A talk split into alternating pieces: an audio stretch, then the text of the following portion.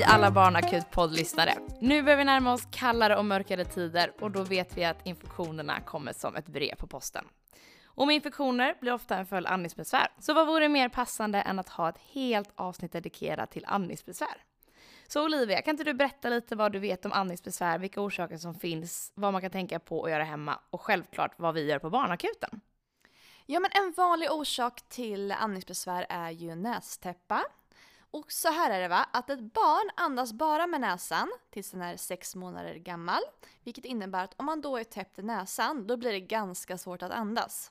Ja, och jag tänker att det måste också vara väldigt svårt att äta eller amma om man är täppt i näsan.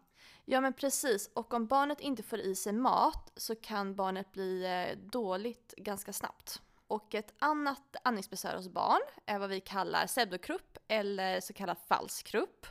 Eh, krupp är en följd av en förkylning som gör att eh, stämbanden och slemhinnorna blir svullna. Symptomen kan då bli eh, klassisk krupphosta som låter som en skällande hund. Men det här med falsk krupp, kan du förklara varför det heter falsk krupp och vad då riktig krupp är? Ja men så här är det, att så kallad riktig krupp är egentligen difteri. Eh, alltså en bakteriell sjukdom som ger en svalginfektion. Men den sjukdomen har vi lyckats få bort i Sverige efter bättre hygien och allmän vaccination. Men uttrycket falsk krupp har bara stannat kvar. Så egentligen är krupp krupp och inget annat? Ja, precis. Och ett annat andningsbesvär är ju självklart eh, astma. Enligt eh, Astma och allergiförbundet lider cirka 8% av alla skolbarn i Sverige av astma. Andningen vid astma kan låta väldigt pipande och väsande både på utandningen och på inandningen. Och det beror på att luftrören drar ihop sig och att slemhinnorna svullnar. Eftersom barn har mycket tunnare luftrör från början blir minsta lilla svullnad ett stort problem. Men vad kan då orsaka astma? Eh, astma kan till exempel orsakas av förkylning men det kan också orsakas av allergi. Men om ens barn då drabbas av någon av de här typen av andningsbesvären, vad kan man som förälder göra hemma då? Ja men först och främst är barnets position A och O. Eh, det är mycket svårare att andas ordentligt om man ligger på rygg än om man sitter i en bra position upprätt. Samma sak gäller även vid nästäppa. Det man vet kanske själv är att det är svårare att andas liggandes och det kan vara skönt att puffa upp lite med kuddar bakom sig. Ja, det vet man ju själv alla de gånger när man har varit förkyld och snorig. Men visst kan det även hjälpa vid krupp att få komma upp i en upprätt position? Ja men exakt, eftersom slemhinnorna och stämbanden kan svälla ytterligare i liggande position så är det en mycket bra idé att få upp barnet om man märker att de hostar eller får andningsbesvär. En annan bra grej att tänka på vid krupp är att barnet får frisk luft. Genom att typ öppna fönstret, ställa sig på balkongen eller ta en promenad. Ja, ibland kan det även funka att ge barnet något att dricka. Det kan även funka bra att ge barnet en kall isglass för att dämpa svullnaden. Men om ingen av dessa tips fungerar hemma och barnet inte blir bättre så behöver man kanske söka sjukvård. Vad gör vi då på barnakuten? Ja, men förutom alla tidigare nämnda tips så tar vi som sagt alltid kontroller på barnet. Och då tittar vi framförallt på andningsfrekvensen, vi tittar på andningsarbetet och även vilken syresättning barnet har i blodet. Beroende på barnets ålder så varierar andningsfrekvensen en hel del. Ett barn under tre månader ska ligga mellan cirka 30 till 60 andetag per minut. Men barnets andning är väldigt oregelbunden vilket kan göra det väldigt svårt att räkna ibland. Ja, ibland kan det ju nästan kännas som att barnet slutar andas en liten stund, alltså få ett så kallat andningsuppehåll. Men för att det ska räknas som det och alltså vara något onormalt så ska ju barnet inte andas på över 20 sekunder. Precis, småbarn andas ganska oregelbundet än vad vuxna gör. Det gäller även deras andningsarbete, alltså hur de andas. När vi undersöker barnens andning så tittar vi efter något som kallas indragningar. Det betyder att man kan se det som att huden åker in mellan revbenen man kan även se det under revbenen och i halsgropen. Det blir så eftersom barnet använder muskulaturen så mycket för att andas bättre.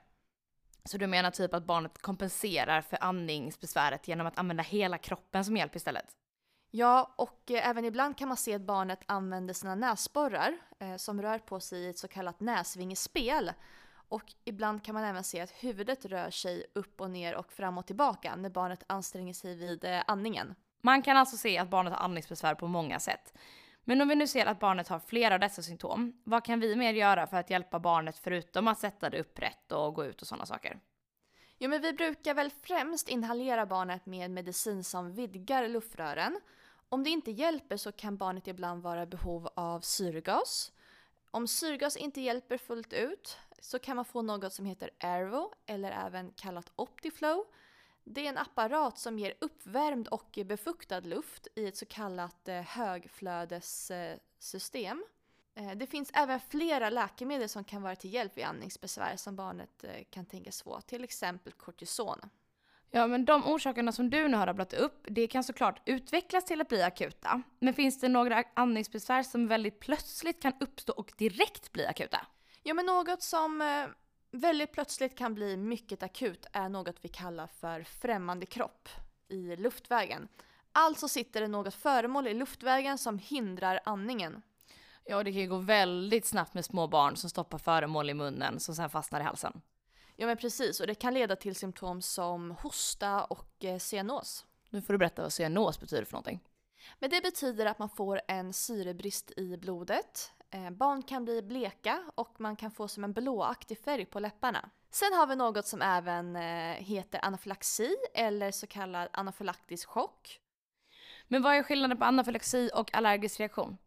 Vid anafylaxi har man fått en svår allergisk reaktion och den kan vara livshotande. Och vilka symptom kan det vara då? Eh, då kan man till exempel få andningsbesvär, det kan börja klia eller svullna i svalget, tungan eller läpparna. Barnet kan även få plötsliga utslag, så kallade nässelutslag och bli illamående eller börja kräkas. Och vad gör man då om man som förälder misstänker att ens barn har fått en anafylaktisk reaktion? Då är det viktigt att eh, genast ringa 112 eller genast ta sig till sjukhus då barnet är i behov av en medicinsk behandling. Till exempel i form av adrenalin eller betapred som vi beskrev innan som ett kortison. Ja, och det kan ju gå väldigt fort för anafylaktiska reaktioner och därför är det viktigt att barnet får den behandlingen de behöver. Ja, det kan snabbt svullna upp och det kan skapa stora andningssvårigheter. Och så finns någonting som heter RS-virus. Och för att prata mer om det så har vi bjudit in våran kollega Sattu.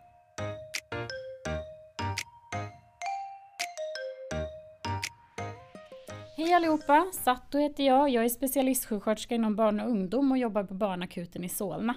Vi ska prata lite RS-virus. Vi befinner oss ju mitt i vinterhalvåret eh, och då tycker virus om att frodas. Eh, RS-virus eh, är ju ett virus som vi har känt till ganska länge som drabbar alla barn egentligen innan två års ålder. Men det är inte alla barn som behöver bli dåliga av RS-virus utan de allra flesta klarar sig jättebra i hemmiljö med en del små vårdinsatser hemma som vi kan prata om alldeles strax.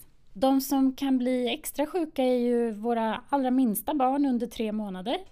Eh, och också de barnen som har några grundläggande sjukdomar, exempelvis lungsjukdom eller Downs syndrom, eh, hjärtsjukdomar och så vidare. Eh, det är våra extra känsliga grupper. Det RS-viruset gör är att det går in och påverkar cellerna i våra luftvägar så att de svullnar av en inflammation och börjar skapa slem. Och väldigt små barns lungor och grundsjuka barns lungor är ju eh, små och speciellt luftvägarna är små. Så då får vi en svullnad och en slembildning i luftvägarna som gör att det blir jobbigare för dem att andas helt enkelt. Och det här i sin tur leder ju till att det kan bli svårare att amma eller äta från flaska eftersom näsan ofta är täppt. Så de första åtgärderna som man kan göra i hemmet är ju att eh, se till att man har någonting som vi i sjukvården kallar för fri luftväg, men egentligen att man har en rensugen näsa och inte har så mycket slem i munnen.